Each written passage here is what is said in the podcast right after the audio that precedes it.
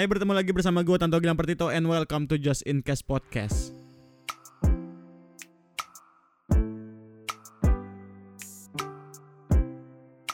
Hey apa kabar semua? Bertemu lagi bersama gue Tanto Gilang Pertito and welcome to Just In Case Podcast. Diulang lagi deh. Aduh.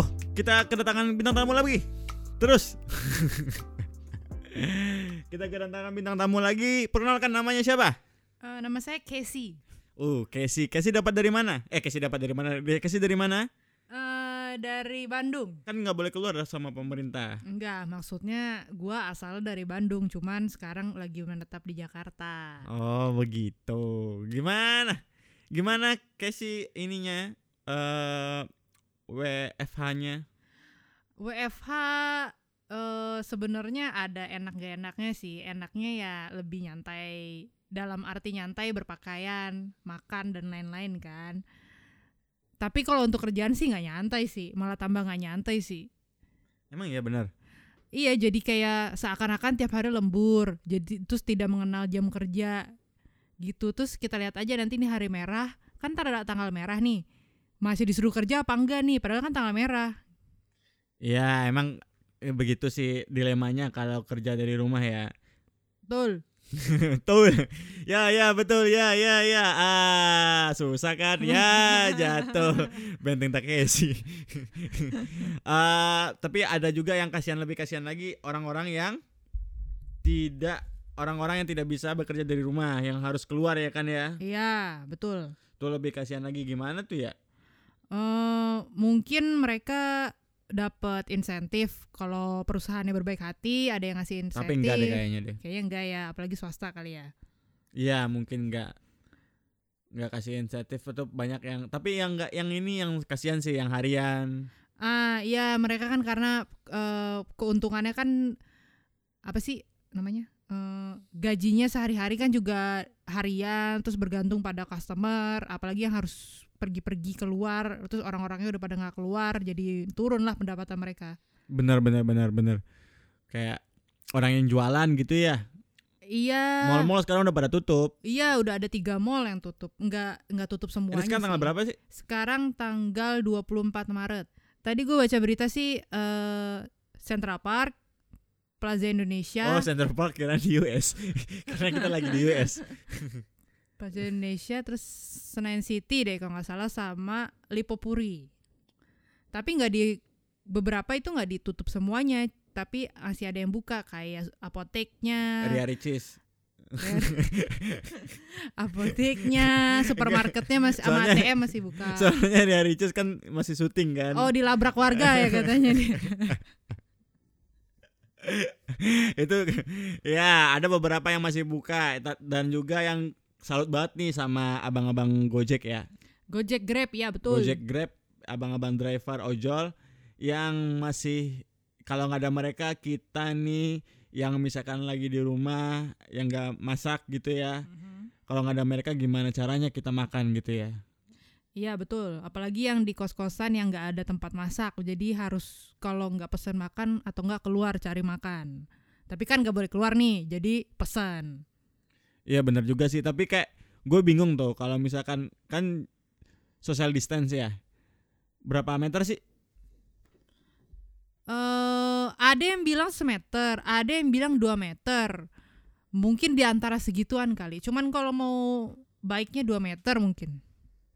2 meter tapi kalau misalkan lagi turun gitu ngambil makanan di lift tuh kayak bingung gitu. Banyak orang banyak. Nah kan banyak sekarang beberapa lift yang ngasih garis-garis tuh di lantainya Jadi dikotak-kotakin. Terus kayak berarti yang naik lift harus berdiri di atas dalam kotak itu Dan menghadapnya tidak menghadap-hadap muka Jadi kayak munggung-munggungin gitu loh Iya terus jadi meme banyak di internet anjir.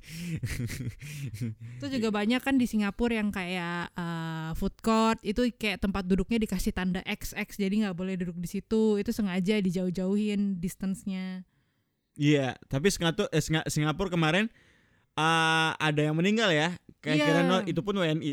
WNI pula yang Ada dua orang tapi cenderung udah berumur juga Iya iya iya iya. Dan sekarang Singapura nutup akses masuk buat social visit pass jadi buat turis kalau buat permanent residence atau yang punya visa visa panjang ya kayak visa kerja atau visa sekolah masih boleh masuk cuman turis nggak boleh masuk Nah, kita nggak bisa jalan-jalan ke Singapura ya. nggak bisa lagi proses pembatalan kan Iya, kalau Indonesia pun lockdown, wah susah juga karena eh oh iya, susah juga ya karena Indonesia tuh nggak Jakarta doang, nggak Jawa doang, Sumatera juga. Dan perekonomian pasti jatuh-jatuhan pasti ya, karena jadinya presiden kita jadi kayak mikir lagi kalau mau lockdown ya.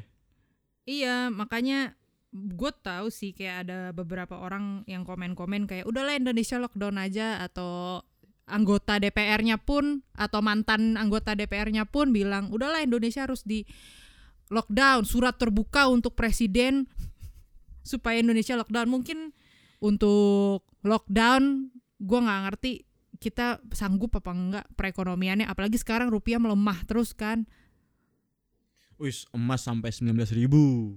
Iyalah satu dolar Amrik 16 setengah. Wis gimana tuh ya? Gue gue cukup ngeri sih kalau Harus cari-cari freelance tapi yang di luar. Wih. Wih. tapi susah juga soalnya eh, perekonomian lagi melambat sekarang. Saham-saham lagi turun. Yang belum lihat video investasi-investasi silakan ditonton di YouTube Tonto Gilang. Ay, self promosi.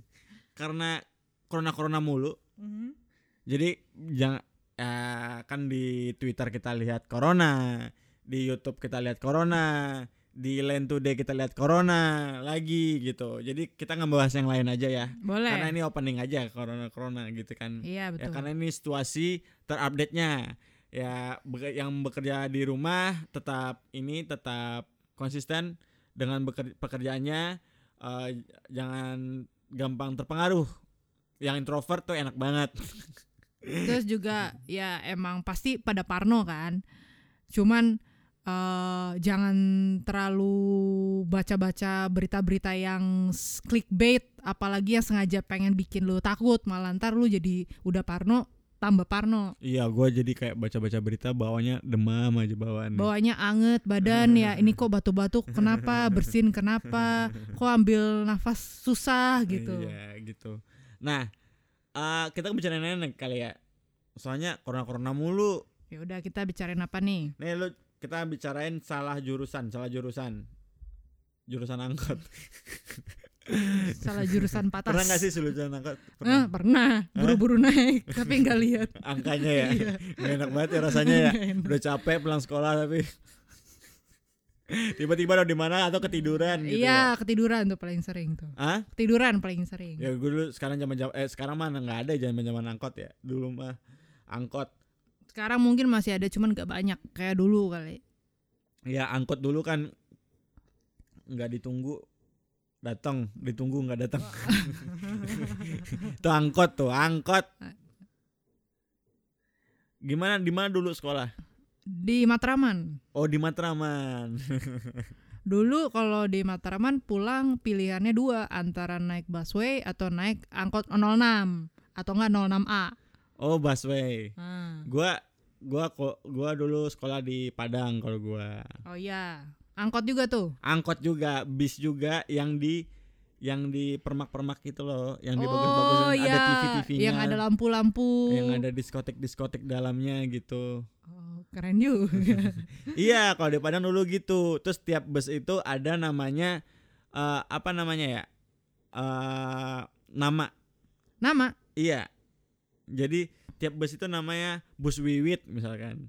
Bus Andi misalkan. itu yang punya busnya. Enggak, jadi tiap bus tuh punya keistimewaan keistimewaan masing-masing. Oke, apa bedanya bus Andi sama bus Wiwit? Ya gue lebih suka bus Andi karena lebih santai orangnya, lebih ini, tuh bawanya nggak ngebut-ngebut atau gue lebih suka Wiwit gara-gara musiknya bagus, terus interiornya gak bagus, gitu-gitu loh. Tapi Jadi Oke. kalau kita pulang sekolah, maksudnya bis, bis eh, bus ini tuh satu jurusan, bus kota ya, satu jur, satu jurusan, tapi beda merek. beda merek kayak wi, beda na- nama lah Wiwitnya. Jadi kayak gue gue prefer yang Wiwit aja deh gitu. Jadi kita nungguin yang Wiwit sambil nongkrong-nongkrong di pinggir jalan kayak sekolah gitu. Oh, oke oke. Kalau di Singapura ini kayak eh eh, apa? Perusahaannya SMRT sama SBS gitu berdua.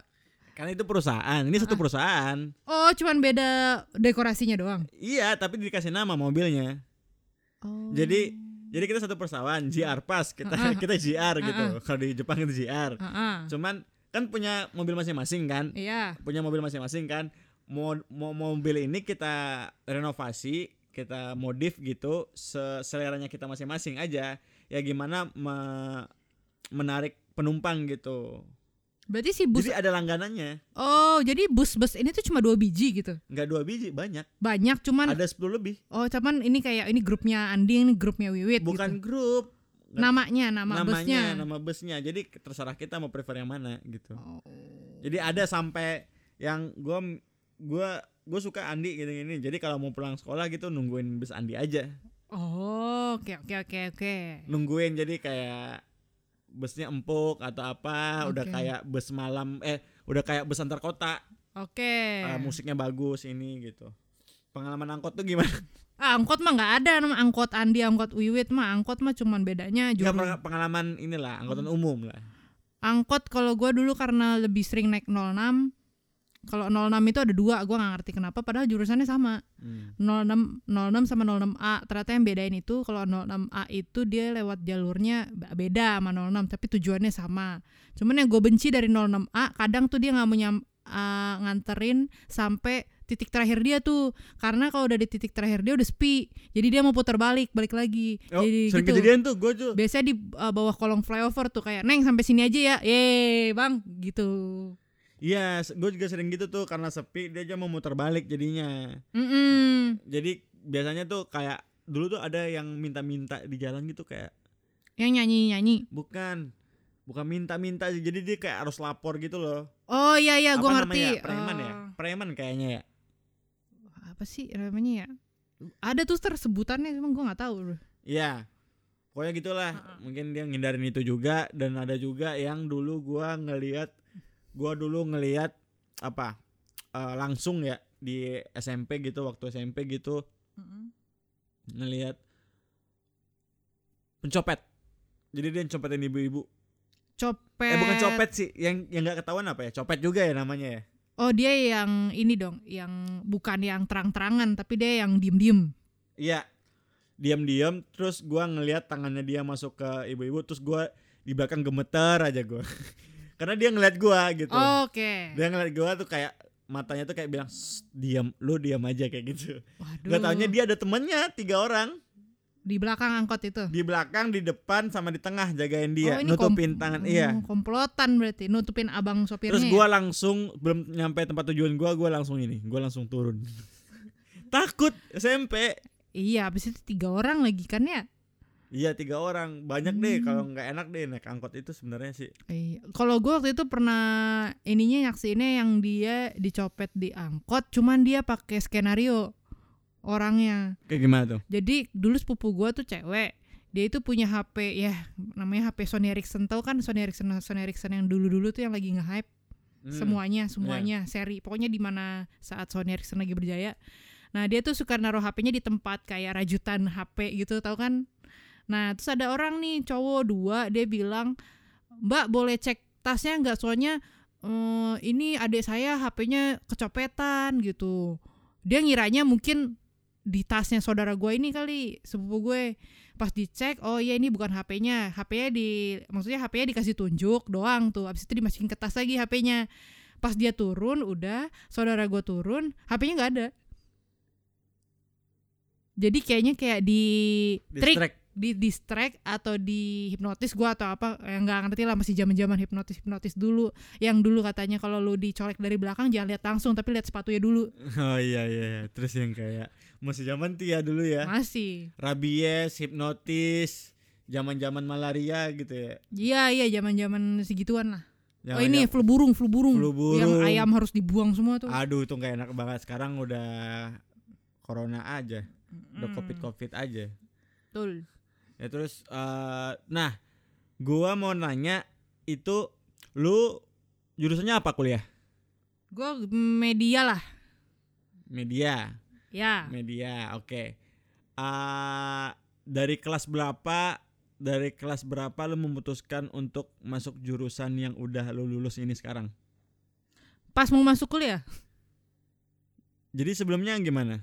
Jadi sebelumnya pas dari SMA udah selesai, kan gue nggak ikut apa tuh namanya SNBPTN ya atau apalah itu kan. Iya, gue juga enggak. Nah, Eh, gue ikut sih tapi ngasal-ngasal. uh, gue nggak mau ikut karena eh, orang tua gue dulu bilang, ayo mau kuliah di mana, mau ambil jurusan apa, yang swasta aja katanya kan.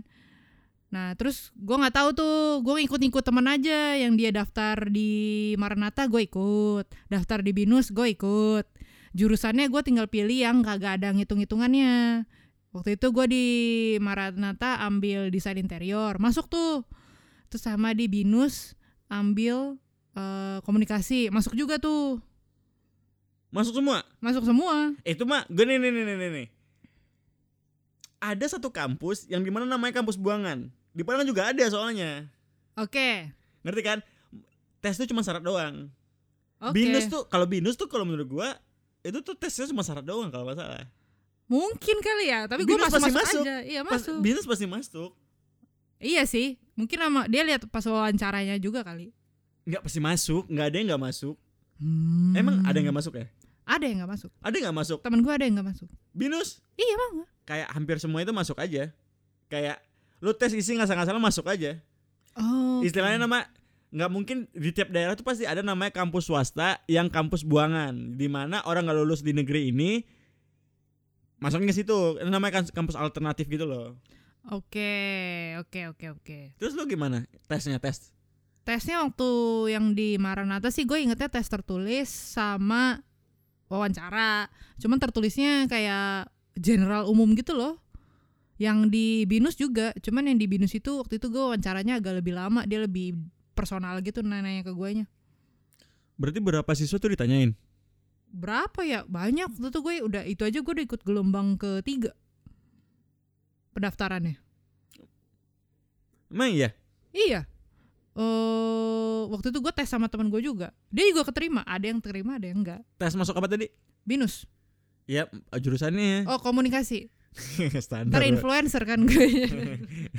Karena itu yang nggak ada ngitung-hitungannya. ada tahu Apa? Jum- jumlah follower Eh, jalur data influencer. data data ada Enggak, zaman dulu tahun-tahun segitu kan belum ada kayak kayak gituan. oh ya udah ya udah terus akhirnya masuk mana Akhirnya setelah kan gue udah kasih hasilnya ke orang tua kan, nih keterima nih di pilih mana mau di Maranatha atau di eh, Binus gitu. Terus udah udah dilihat eh, apa sih biaya-biayanya apa segala macam. Terus biaya berapa sih oh gue lupa per semester berapa ya waktu itu ya? Gak inget gak inget. Kayak di kayak 8 apa 10 ya gue nggak tahu deh. Habis itu pas sudah diomongin ke orang tua, nyokap gue masih nggak yakin.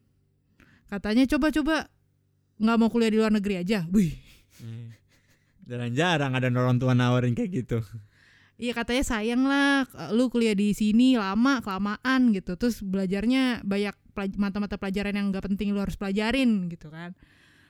Terus oh yo ya waktu itu sih gue coba bilang ya udah yang bayar siapa gitu. Saya mengikut yang bayar saja. gitu. Terus akhirnya gue di data, disuruh datang ke agen edukasi gitu di Gunung Sahari itu temennya bokap gue.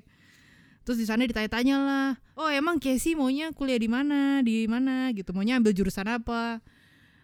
Terus eh, karena nyokap demen-demen Belanda, akhirnya ya udahlah di Belanda gimana, Eh, bu gitu. Oh ya udah nih di Belanda ada gini gini gini gini apa segala macam, dikasih lah. Eh, gue disuruh les bahasa Belanda sama foundationnya untuk di Belanda tuh ngapain aja. Udah selesai les, eh berapa bulan les eh dua tahun. Itu dari SMA gue les. Sebenarnya Belanda. Tapi yang foundationnya cuman kayak 8 bulan. Setelah udah itu kelar semua, tinggal daftar. Eh, itu Malaysian Airlines jatuh. Yang dari jurusan Belanda ke China apa Belanda ke Malaysia ya? Gue lupa. Yang pokoknya yang intinya pesawatnya sampai sekarang nggak ketemu deh. iya ya Terus was takut lah orang tua. Waduh, nih nggak bener nih teroris apa segala macam bla bla. Akhirnya disuruh yaudah cari di tempat lain aja. Eh, dia nggak jadi ke Belanda nggak jadi ke Belanda Padahal kan. bisa. Padahal bisa tuh. udah Udah, lo tes Hah? udah tes tinggal masuk. Masuk apa Oh, eh, tesnya itu di interview lewat telepon waktu itu. Lewat Skype lah. pakai bahasa Belanda Pakai bahasa Inggris karena eh apa mahasiswa internasional bahasa Belanda tuh cuma buat sehari-hariannya doang. eh gitu Belanda Iya, Nggak ba- sama kayak Perancis ya Enggak, enggak. Karena jatuhnya gue itu jad- jadi eh, mahasiswa internasional. Bukan ngambil yang eh, dalam negerinya lah gitu. Oh ya oke oke. Mm-mm. Karena nggak jadi situ, akhirnya kata bokap gue, udahlah yang deket-deket aja deh kalau misalnya pada khawatiran gitu. Singapura apa Singapura gitu. Terus datang lagi ke agennya bilang, ya udah di Singapura ada nih. Maunya jurusan apa? Terus orang tua gue mengasih kebebasan terserah lu mau jurusan apa, yang penting lu bisa dapet duit ntar. Terus akhirnya gue cuma bilang ke agennya, apa ya mbak? Kasih aja list atau sekolah mana yang gue nggak terlalu harus repot ngitung-ngitung matematik dan lain-lain gitu. Akhirnya tetap dia ngasih eh, kayak komunikasi cuman jatuhnya media. Begitu. Terus gua iya iya aja. Ya udah deh iya deh iya deh gitu. Tapi struggle nggak itu kuliah gitu? gue struggle-nya bahasa Inggrisnya sih. Oke. buat pelajarannya gue masih bisa eh, ya bisa lah gini media doang gitu. Maksudnya nggak banyak hafalan kan mending hafalan gue daripada sebenarnya gue lebih kalau waktu dulu gue mikirnya mending hafalan lah daripada ngitung-ngitung tapi ke sini ke sini gue kayak mendingan gue ngitung-ngitung daripada hafalan gitu sih Hmm. Cuman yang gue struggle itu bahasa Inggrisnya karena bahasa Inggrisnya yang gue pelajarin di SMA itu nggak se-advance yang harus di require di sana. Ditambah lagi di sana sehari-hari bahasa Inggrisnya amburadul. Jadi kayak pusing juga mikirinnya. Singapura ya bahasa Inggris Singapura ya. Iya, English ya. Eh Eng- Singlish. Singlish ya. Nah, iya jadi susah gue juga itu gue struggle banget sampai gue udah beberapa kali dimarahin dosennya tuh gara-gara bahasa Inggris gue nggak lancar doang. Dimarahinnya kayak gimana?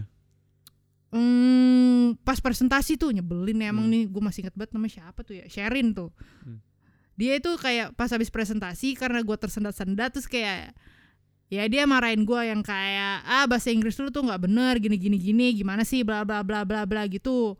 Tapi hebatnya bukan hebatnya sih tapi gue salutnya anak-anak kelas gue tuh kayak ngedukung-dukung gitu loh yang kayak ya wajar lah kan dia mahasiswa internasional bla bla bla apa segala macam ya harus adaptasi dulu dong bu apa apa segala macam. Eh terus setelah satu semester dia udah nggak ngajar lagi di situ haha. Kenapa? eh ternyata dia emang dapat review nggak bagus gitu dari mahasiswa-mahasiswa yang lain kayak ngajarnya nggak bener kayak cuman nggak ngajar gitu cuman kayak nyuruh-nyuruh kita baca apa segala macam gitu Oh gitu ada ya kayak gitu-gitu ya. banyak lah Di di negeri tuh emang ada itu review-review gitu-gitu. Guru yang nggak berkualitas tetap aja.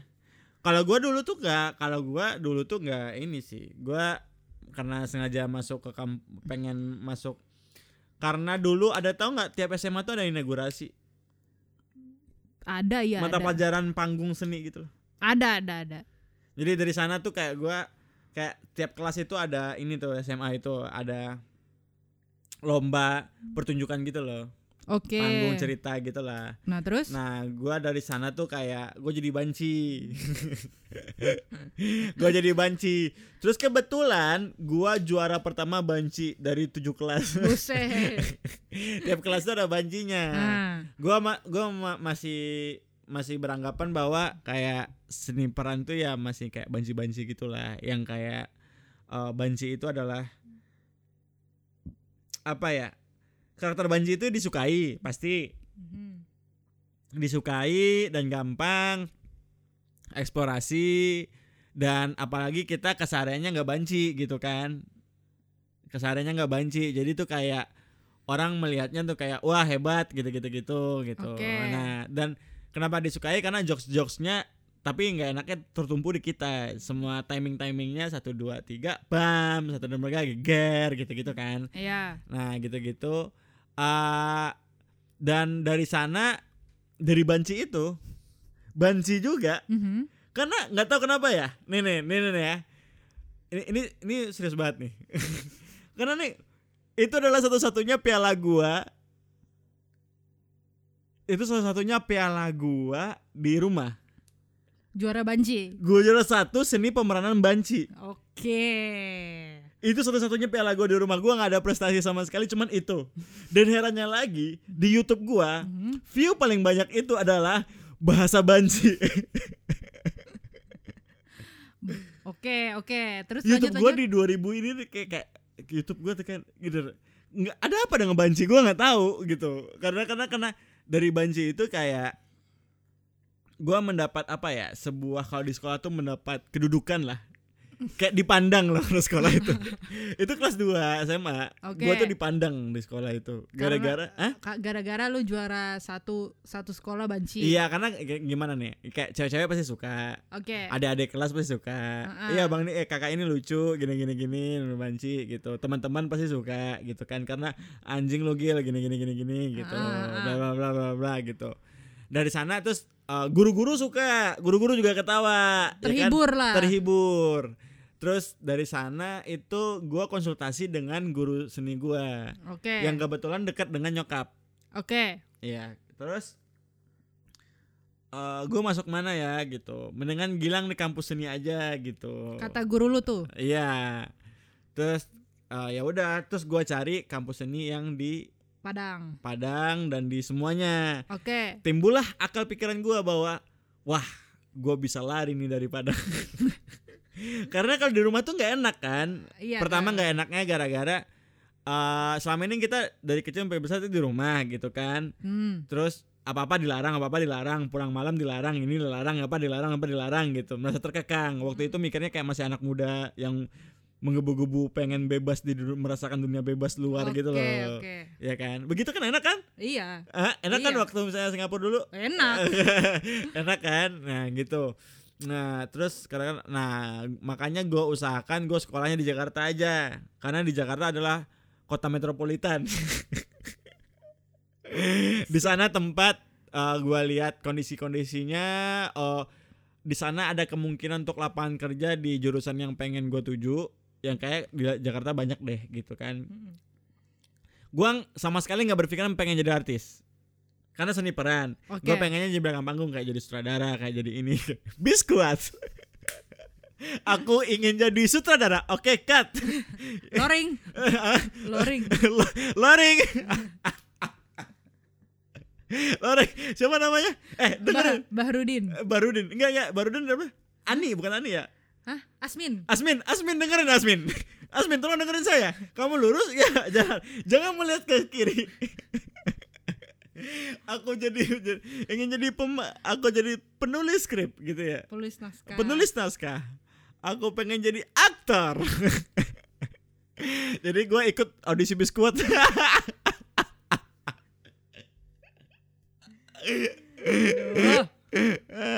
jadi gue ikut audisi biskuat lah. Eh apaan lu? PA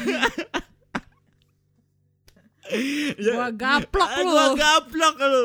Jadi nah tapi orang gue sempat debat sama orang tua gue gara-gara karena itu kampus kesenian kan.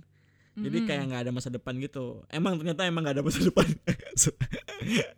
Eh, terus orang tua gue tetap ini eh, menyodorkan bahwa eh, lo harus tes CPNS eh CPNS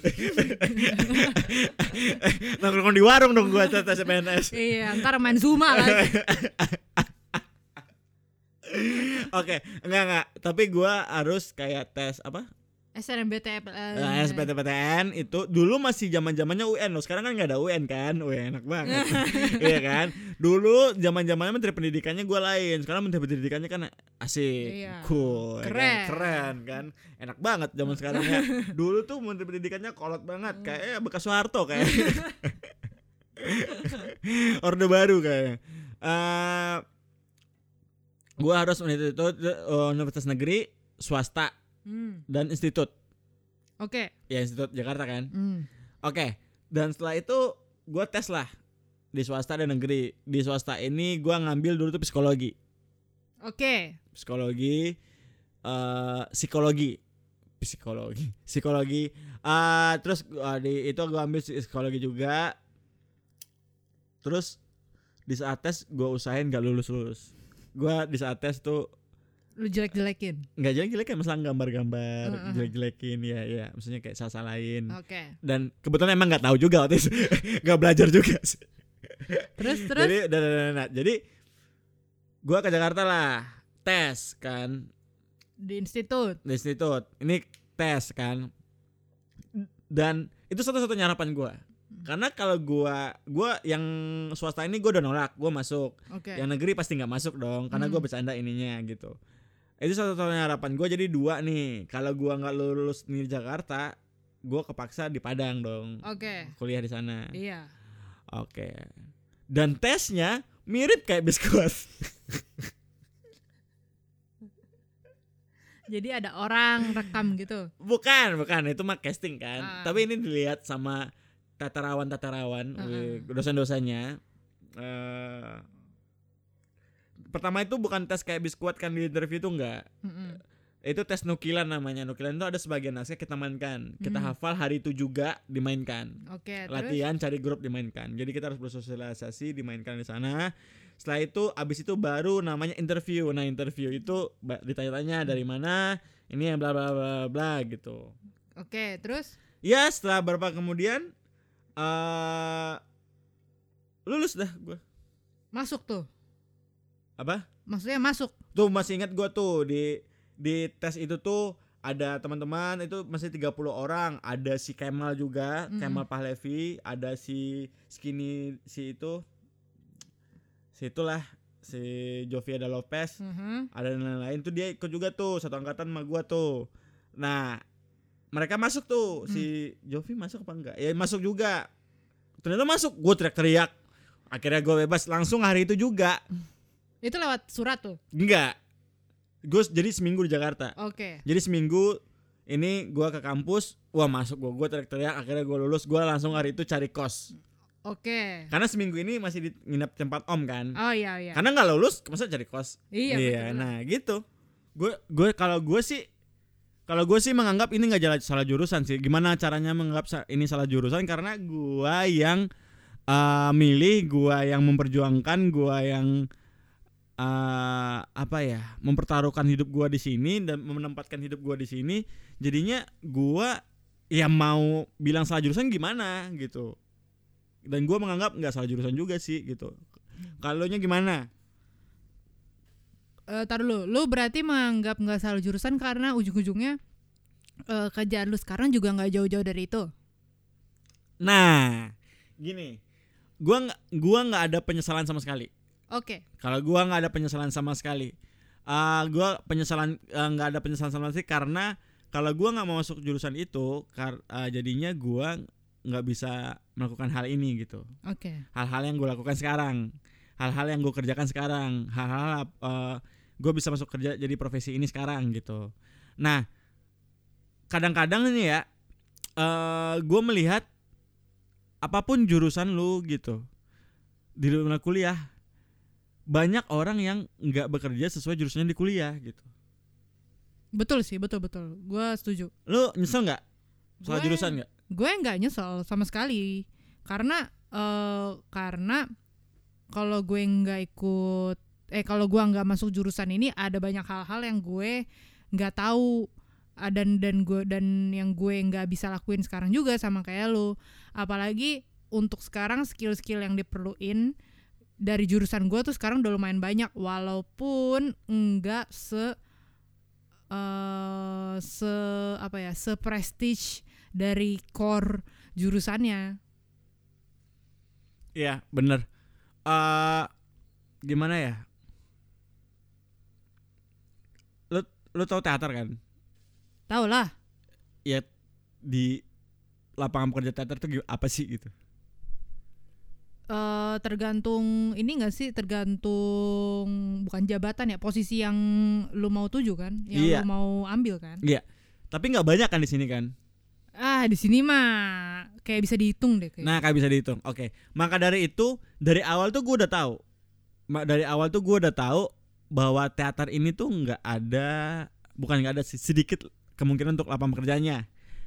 Karena kalau lo mau jadi artis, jadi aktor, lu nggak perlu kuliah teater sebenarnya sih. Lu casting aja dan latihan di luar juga bisa, di sanggar-sanggar aja bisa gitu. Dan lu jurusan tuh tetap jurusan akuntansi kayak jurusan apa kayak gitu atau jurusan biokimia atau apa gitu. Terserah gitu eh apa pun profesi lu lu sastra apa kayak bisa jadi teater juga gitu kan ternyata eh ya udah karena gua tahu itu tuh makanya gua dulu ancang-ancang gua belajar apa yang namanya kemampuan lain skill lain untuk jika jikalau eh jurusan gua ini nggak ke apa ya kepake gitu. Gue ada alternatif lain. Oke. tapi itu berjalan dengan sendirinya sih. Gue coba alternatif lain yang ternyata ada keuntungannya. Ah, misalnya ada oh akhirnya gue nambah skill gue nambah pengalaman gue nambah pengetahuan dan terus ngapain lu kuliah teater? Gue dulu suka teater gitu. Gue suka teater gue suka seni peran. Terus eh, makanya gue masuk itu gitu kan. Gue berharap dulu kerja di panggung kerja di ini gitu kan. Dulunya dulu. Dan mengabdi pada teater gitu. Tapi ternyata eh ya gitu. Di teater karena apa ya? Kan orang kayak kayak passion bukan passion sih. Terus eh, passion terus karir mengikuti kan. Ya bahwa gua gua waktu itu memutuskan bahwa gue bedain deh yang mana kesukaan gue yang mana untuk cari duit gitu. Nah jadinya kadang-kadang dulu tuh kayak kalau pengen gua pantomim juga gue mentas ini gue pentas eh, keliling Jawa gitu pakai pakai biaya sendiri abis ngejob foto-foto video gitu. Gue pakai kita pakai patung-patungan pakai duit sendiri gitu buat ini gitu. Karena eh, kultur yang tercipta tuh kayak gitu sih. Kalau untuk eh, teater panggung gitu ya. Kecuali musik atau apa ya eh, seni tari gitu. Tari itu kadang-kadang kayak gitu juga dan kadang-kadang kayak ada wadah lah tari sekarang. Tapi teat tari itu sekarang bisa masuk YouTube bisa masuk ini gitu kan. Tertarik banyak orang tari TikTok tari tari dance. Mau yang kontemporer mau yang hip hop mau apa mau yang tradisional. Ini gitu kan. Tapi karena teater inilah seni tua gitu ya eh, basic bukan basic sih dasar dan klasik gitu kan. Eh, jarang ada orang yang menyukai walaupun medianya beda yang langsung maupun media yang eh, video gitu Oke. kalau lu nya gimana Hmm. jurusan Kalau gue lihat dari teman-teman gue juga lain juga yang sejurusan sama gue atau yang kita satu payung lah satu institut eh, banyak juga yang mereka kerjanya justru nggak sesuai jurusan mereka. Ada yang dia itu kuliah emang khusus eh, directing tuh, tapi ujung-ujungnya jadi buka toko bunga. ada ada ada. Nah terus ada beberapa yang eh, teman-teman gue yang anak-anak animasi, dia malah sekarang cuma jadi asisten guru administrasi. Ada yang malah ikut orang tuanya jadi di firma hukum. Ada banyak yang kayak gitu. Ada juga yang ngambil kuliah lagi, tapi nggak yang jurusan itu, beda jurusan. Banyak yang kayak gitu. Karena setelah gue ngobrol-ngobrol, maksudnya nanya-nanya ke mereka, kenapa lu nggak ambil yang sesuai jurusan lo? Mereka po- rata-rata tuh mereka bilang punya idealisme masing-masing. ya sama Jadi eh, ideal-idealismenya mereka itu nggak bisa diterapin ke kerjaannya mereka yang yang ditawarin yang sesuai dengan jurusannya. Jadi yang misalkannya dia ini katakanlah dia itu suka sama eh, sutradaranya Steven Spielberg gitu. Jadi yang semua science fiction atau bukan nggak harus science fiction deh, pokoknya semua semuanya yang berbau Steven Spielberg. Eh dia kerja di TikTok misalkan. Yap. Nah di TikTok itu kan gak butuh Steven Spiel- Spielberg ya Dia cuma butuh gimana caranya lu receh, lu viral Dan semua orang ikut bikin TikTok Gitu kan. Hmm. Jadinya ya dia nggak Walaupun udah coba kerja nggak nggak enjoy jadinya Karena memaksakan idealisme lain ke idealismenya dia.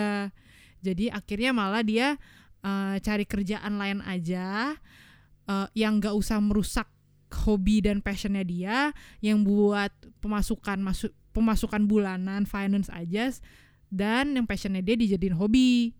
Atau eh apa atau kayak freelance freelance dia yang sesuai dengan idealisme dia Iya, berarti sama kayak gue tuh dipi- mau dipisahkan.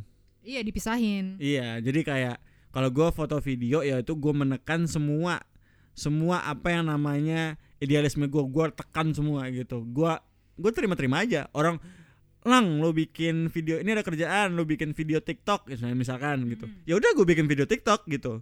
Lang lo bikin video yang kayak gini gini gini se- seleranya dia ya gue bikinin gitu. Gue juga pun juga kayak begitu sekarang. Kan gue kalau gue dari dulu sih sebenarnya sih, tapi gue menekan semua ini, memisahkan sih.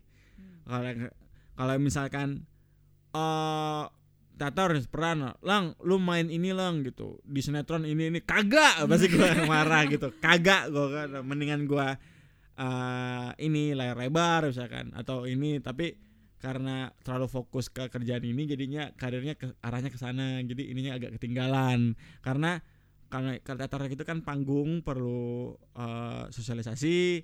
Sosialisasi. Uh, kerja kelompok kan istilahnya kerja apa namanya? Ya lu nggak sendirian kan? iya kolektif. Hmm.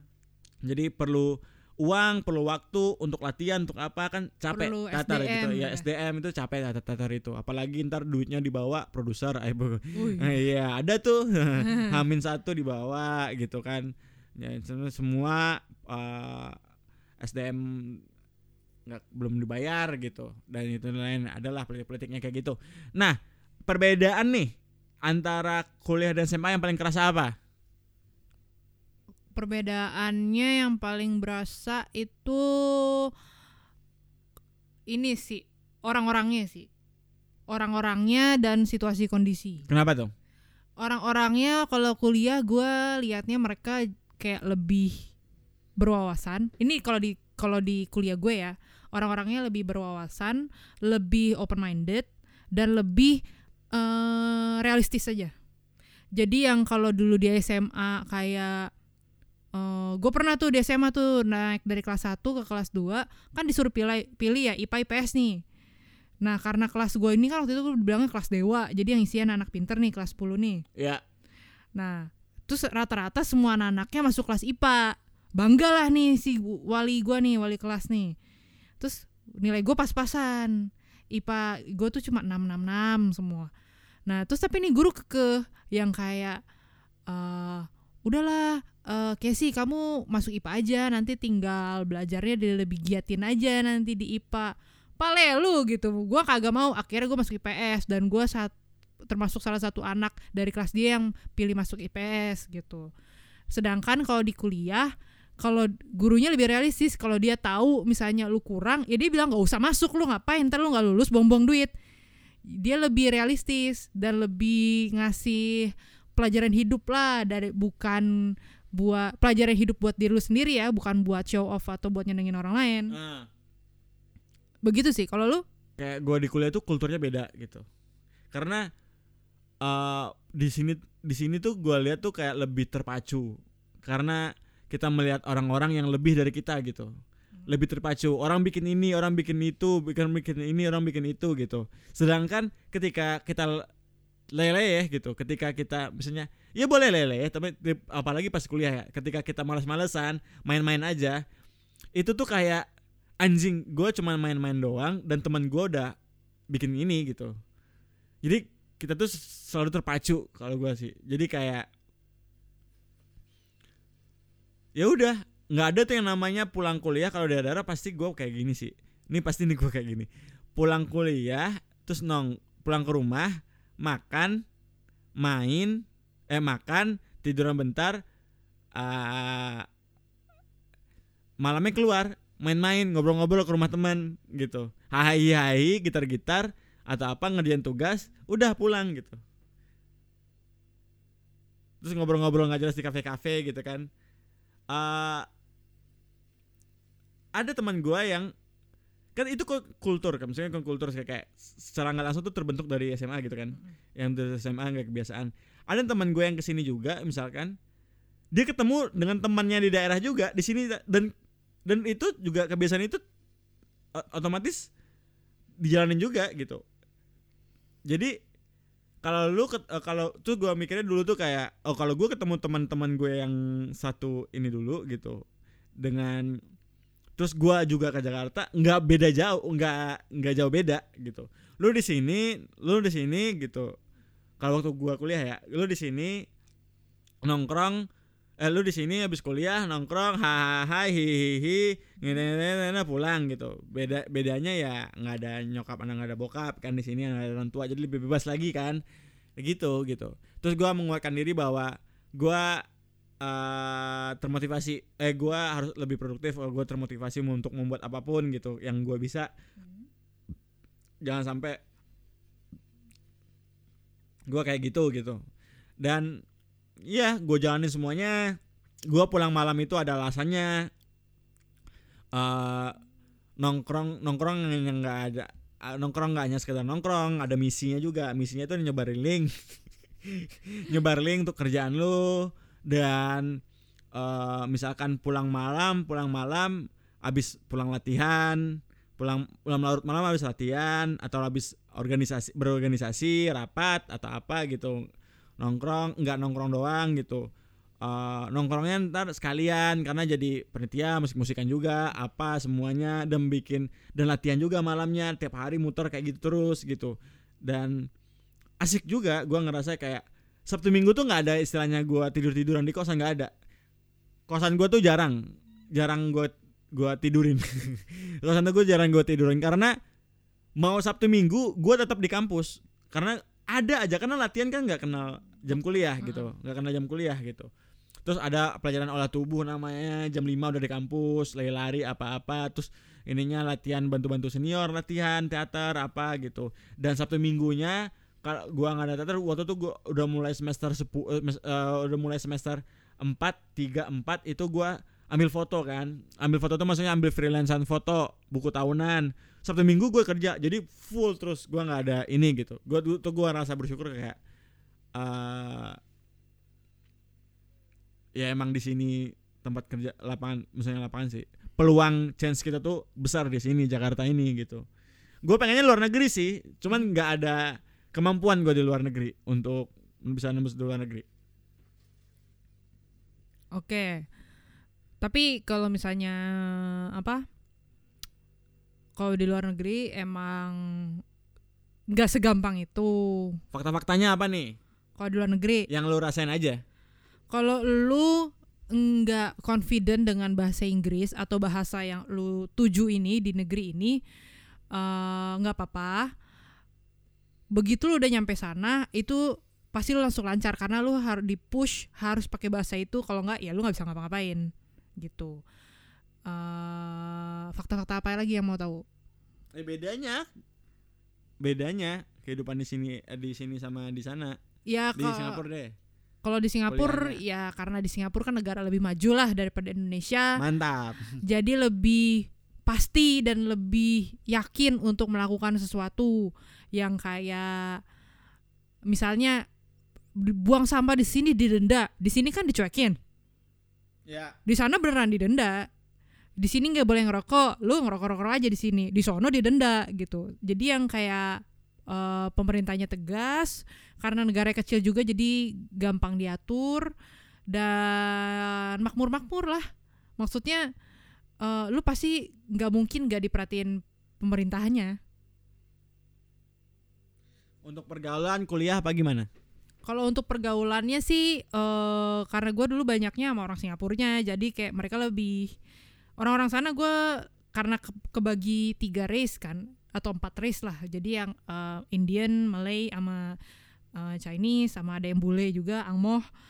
Ya gue sempet lah bergaul sama mereka semua, Eh, dan mereka jauh lebih santai, lebih santai dalam soal hangout ya. Hangout lebih santai lebih terbuka lebih open minded emang tapi kalau misalnya agak cukup kompetitif juga orang-orangnya jadi ya lu nggak mau ketinggalan. Jadi kayak lu harus mesti eh ya gue pokoknya nggak boleh ketinggalan gue harus keep up gitu. Dan kalau mereka jokesnya beda lah jokes Indonesia sama jokes di sana beda. Tempat-tempat hangoutnya juga kegiatan-kegiatan hangoutnya juga beda. Gitu sih. Kalau lu kuliah misalkan di sini gimana? Kalau gue kuliah di sini kan pasti ada salah satu kampus gue masuk kampus yang pasti ada temen SMA gue kan. Dan gue tuh sebenarnya mau ngehindarin itu. Karena gue males. Satu eh gue di SMA nggak bergaul banyak juga. Gue nggak mau ada apa eh, urusan-urusan juga gitu. Maksudnya temen gue cuma beberapa. Kalau di sini pasti gue kuliahnya ya gue usahain buat bergaul dengan bukan bukan anak-anak SMA gue. Dan kalau gua nggak bisa kayak gitu gue takutnya sih gue kuliah pulang kuliah pulang. Dan gua nggak berorganisasi atau apa gimana. Karena kalau di eh, apa kalau di tempat kampus gue yang di Singapura itu Sabtu Minggu pun dosennya ngajakin ayolah mau syutingan bareng gak atau apa gitu bantu-bantu buat experience nambah-nambah jadi kayak lebih enak aja. Gue nggak tahu kalau di yang di Indonesia kayak gitu apa enggak karena kan kalau di Indonesia kan kampus kampus mahasiswanya banyak kan. Kalau di sana kan kampus gue waktu itu emang mahasiswanya dikit. Jadi lebih small lebih kecil lebih Kayak private, private. Oke. Eh, kalau misalkan nih ini nih. eh lu kebayang nggak lu kuliahnya di luar negeri di kayak Belanda gitu. sekarang atau pas dulu Dulu enggak sekarang sekarang kalau gua kuliah di Belanda gimana gitu. kebayang lah maksudnya Ya pergaulannya apa pada kayak gitu. Gue sih masalah pergaulan sih gue sih. Oh, ya mungkin pasti gue apalagi kalau di udah di agak jauh ya, kalau kayak di Eropa gitu ya. Kebayangnya sih mungkin agak susah awal-awalnya, tapi kalau udah ketemu satu, terus udah tahu gimana di sana, pasti udah gampang. Soalnya gue gini nih, buat mungkin yang saran-sarannya gimana ya? Kalau lu dari daerah gitu, lu ke luar negeri apa ke mana, lu boleh ngumpul. Kalau mesti saran gue sih ini nih, lu boleh ngumpul dengan teman-teman daerah lu dulu atau teman-teman satu Indonesia lu dulu gitu. Untuk awal-awal doang. Selebihnya jangan ngumpul bareng lagi gitu. Bukan jangan ngumpul bareng lagi, jangan sering-sering ketemu gitu. Usahakan eh, nongkrong sama di daerah yang di mana lu kuliah gitu. Kalau menurut gue gitu sih. Karena gini nih, eh, nggak ada yang berubah gitu jadinya gitu. Nggak ada pengetahuan yang lu dapat, nggak ada pengalaman yang lu dapat gitu. Ketika lu nonton nongkrong sama natif gitu ya, nggak ada yang lu, eh, pasti banyak yang lu dapat gitu. Karena ada teman-teman yang kuliah di luar negeri nongkrongnya sama orang-orang Indo-Indo juga. Kalau di Singapura banyak kalau kayak gitu, karena ya di Singapura banyak orang Indonesia. Jadi Jadi kulturnya nggak berubah, bukan kulturnya nggak berubah dan yang lu dapatkan nggak nggak ada maksudnya gitu. Nah iya, apalagi kalau lu masuk kampus yang emang isinya orangnya Indonesia ya banyak dan lu ber apa pilih untuk ber, apa kumpul sama mereka, ya lu nggak ada perubahan. Emang awal-awal lu perlu apa kenalan sama dia pastilah. Maksudnya yang kayak oh lu orang Indo, iya bantuin gue dong gini bla bla bla bla gitu. Atau itu juga jadi pegangan kalau lu ada apa-apa, lu bisa ke dia gitu kan. Karena lu sama orang Indo, lu bisa ngasih kontak lu ke dia atau gimana tapi itu awal-awal doang tapi next nextnya kalau lu udah bergaul sama natif ya lu pasti ke natif terus gitu karena orang sana kalau lihat lu hangoutnya cuma sama orang Indo ya udah dia cuek aja gitu dia nggak yang kayak eh sini yuk bergabung dong atau apa gitu kalau lu udah ngumpul-ngumpul ya sama orang Indo terus banyak ya mereka nyuekin jadi kayak cuman kayak wah lu cuma mau sama orang Indo doang gitu gitu Iya. eh jangan sampai kayak gitu gitu. Bukannya anjing sombong sama Indo lu lupa Indo, bukan gitu. Lu sombong lupa daerah lu nggak ada teman-teman, bukan.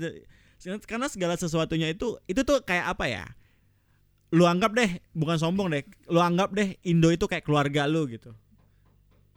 Lu anggap Indo itu karena keluarga lu, lu nggak perlu sering-sering ngomong kan kita malas ngomong sama orang tua kesering-seringan ya kayak, kayak dari dulu sampai sekarang lu ketemu kan kakak lu, saudara lu ini gitu. Ya kita ada ikatan memang gitu. Nah, itu mumpung kuliah, bukan ini bukan selamanya. Mumpung kuliah jadi lu apa ya? banyak-banyak Banyak-banyakin experience yang belum pernah lu tahu gitu. Lu kalau bergaul sama orang Indo, lu bergaul sama orang daerah asal lu gitu, lu pasti udah tahu karakternya kayak apa gitu. Lu dan lu istilahnya tuh kayak nggak maju karena nggak maju itu sebenarnya lu nggak merasakan eh apa ya perubahan dalam hidup lu lu nggak merasakan experience experience itu yang mahal kan gitu. Ya lu maksudnya kalau bergaul sama orang-orang Indo juga eh, bergaul sama orang-orang daerah lu juga lu masuk ke daerah tertentu lu nggak bakal tahu apa ya eh, di sini tuh daerah sini tuh tempat yang asik tuh di sini. Lu nggak tahu tempat yang hidden place di sini gitu yang kayak wah ini keren nih tempat ini, ini. Kal- kalau lu ini contohnya nih. Orang Padang misalnya kayak kayak gue gue ke Jakarta gitu. Nemu sama orang Padang juga gitu. Teman-teman gue juga yang waktu SMA juga juga gitu. Jadi pembahasannya itu itu aja gitu. Pembahasannya itu itu aja jokesnya itu itu aja. Ya lu nggak tahu lu sama-sama nggak tahu ketemu orang yang sama-sama nggak tahu gitu. Nah tapi bukan berarti terus gue bergaul sama ya orang-orang di luar selain daerah itulah. Kan banyak yang datang sini. Gue bergaul sama orang Cirebon gue bergaul sama orang Jogja gue Solo apa pun uh, Surabaya gue bergaul sama orang uh, Salatiga apa Sulawesi Papua. Gue bergaul sama semuanya kecuali yang Padang ya. Padang ya saya kita sama-sama tahu aja. Karena itu kita kita anggap ya gua anggap itu ya udah ini keluarga gua gitu. Istilahnya kayak satu daerah gitu ya. Anggaplah kayak gitu. Satu marga misal anggap aja kayak gitu ya. Terus ya udah gua gua merasakan apa yang kulturnya mereka misalnya kebiasaannya mereka. Dan tiap-tiap daerah itu beda-beda. In, apa insightnya tuh beda-beda gitu. Mm-hmm. apalagi kalau di luar negeri gue kalau di luar negeri mungkin awal-awal doang gitu. Nanti nanti kalau misalnya kalau lu udah kuliah udah apa lu mau ketemu ngumpul bareng-bareng teman asli lu lagi ya udah nggak apa-apa gitu. Oh teman-teman asli saya kayak teman-teman kecil dari kecil lu apa ya nggak apa-apa yang ngumpul aja. Karena itu ada waktunya. Soalnya kuliah di sana lah waktunya lu lu, lu explore semua gitu. Apalagi ya betul sih betul. Kalau gue setuju sih. Awal-awal doang emang. Apalagi kalau nggak enaknya ya kalau di luar nih gue nyaksin sendiri ya kayak lu udah ngumpul nih sama satu orang Indo di luar kan dan orang Indo kan di sana itu itu aja. Terus ada yang berantem. Tahu dong satu orang tahu dong satu grup lu semuanya. Nah itu tuh gak enak. Yang kayak gimana ya karena lu udah ngumpul sama ini satu orang Indo semua lu berantem sama siapa kek sama si C temen lu juga temenan sama si C gitu. Jadi uh, rusak gitu. Kalau misalnya lu kayak ada berantem sama natif ya bodoh amat gitu kan. Kayak gitu karena karena gue nyaksinnya ada yang sesama orang Indo nih berantem terus kayak kita sebagai yang satu grup juga bingung mau ngadepinnya gimana gitu. Ya gimana gue temenan sama dia gue sama temenan sama dia lu ngapain sih berantem berantem ya lah negeri orang lagi? Gitu. Gitu. Uh, ini sekalian sekalian sekalian beli kopi kopi. Kita punya kopi. Oh iya ada ada kopi kopi kita ambil kopi dulu. Tadi kita beliin kopi. Kejam juga ya misalnya kayak di luar ah enak minum kopi. Kejam juga ya. Saya kayak bukan kejam sih apa ya? Dilematik ya. Dilema dilema. Iya. Dilema juga kalau misalnya uh, lu udah bilang sombong lu bilang ini enggak juga sih. Gua kalau gue gue jelasin. Sama untungnya teman-teman deket gue tuh ngerti. Ngerti kata uh, teman-teman bayangin ya orang-orang itu kan di mana-mana kayak gue bukan gue gue emang lahir di Padang cuman gue turunannya bukan Padang gue Jawa gue gitu hmm. uh,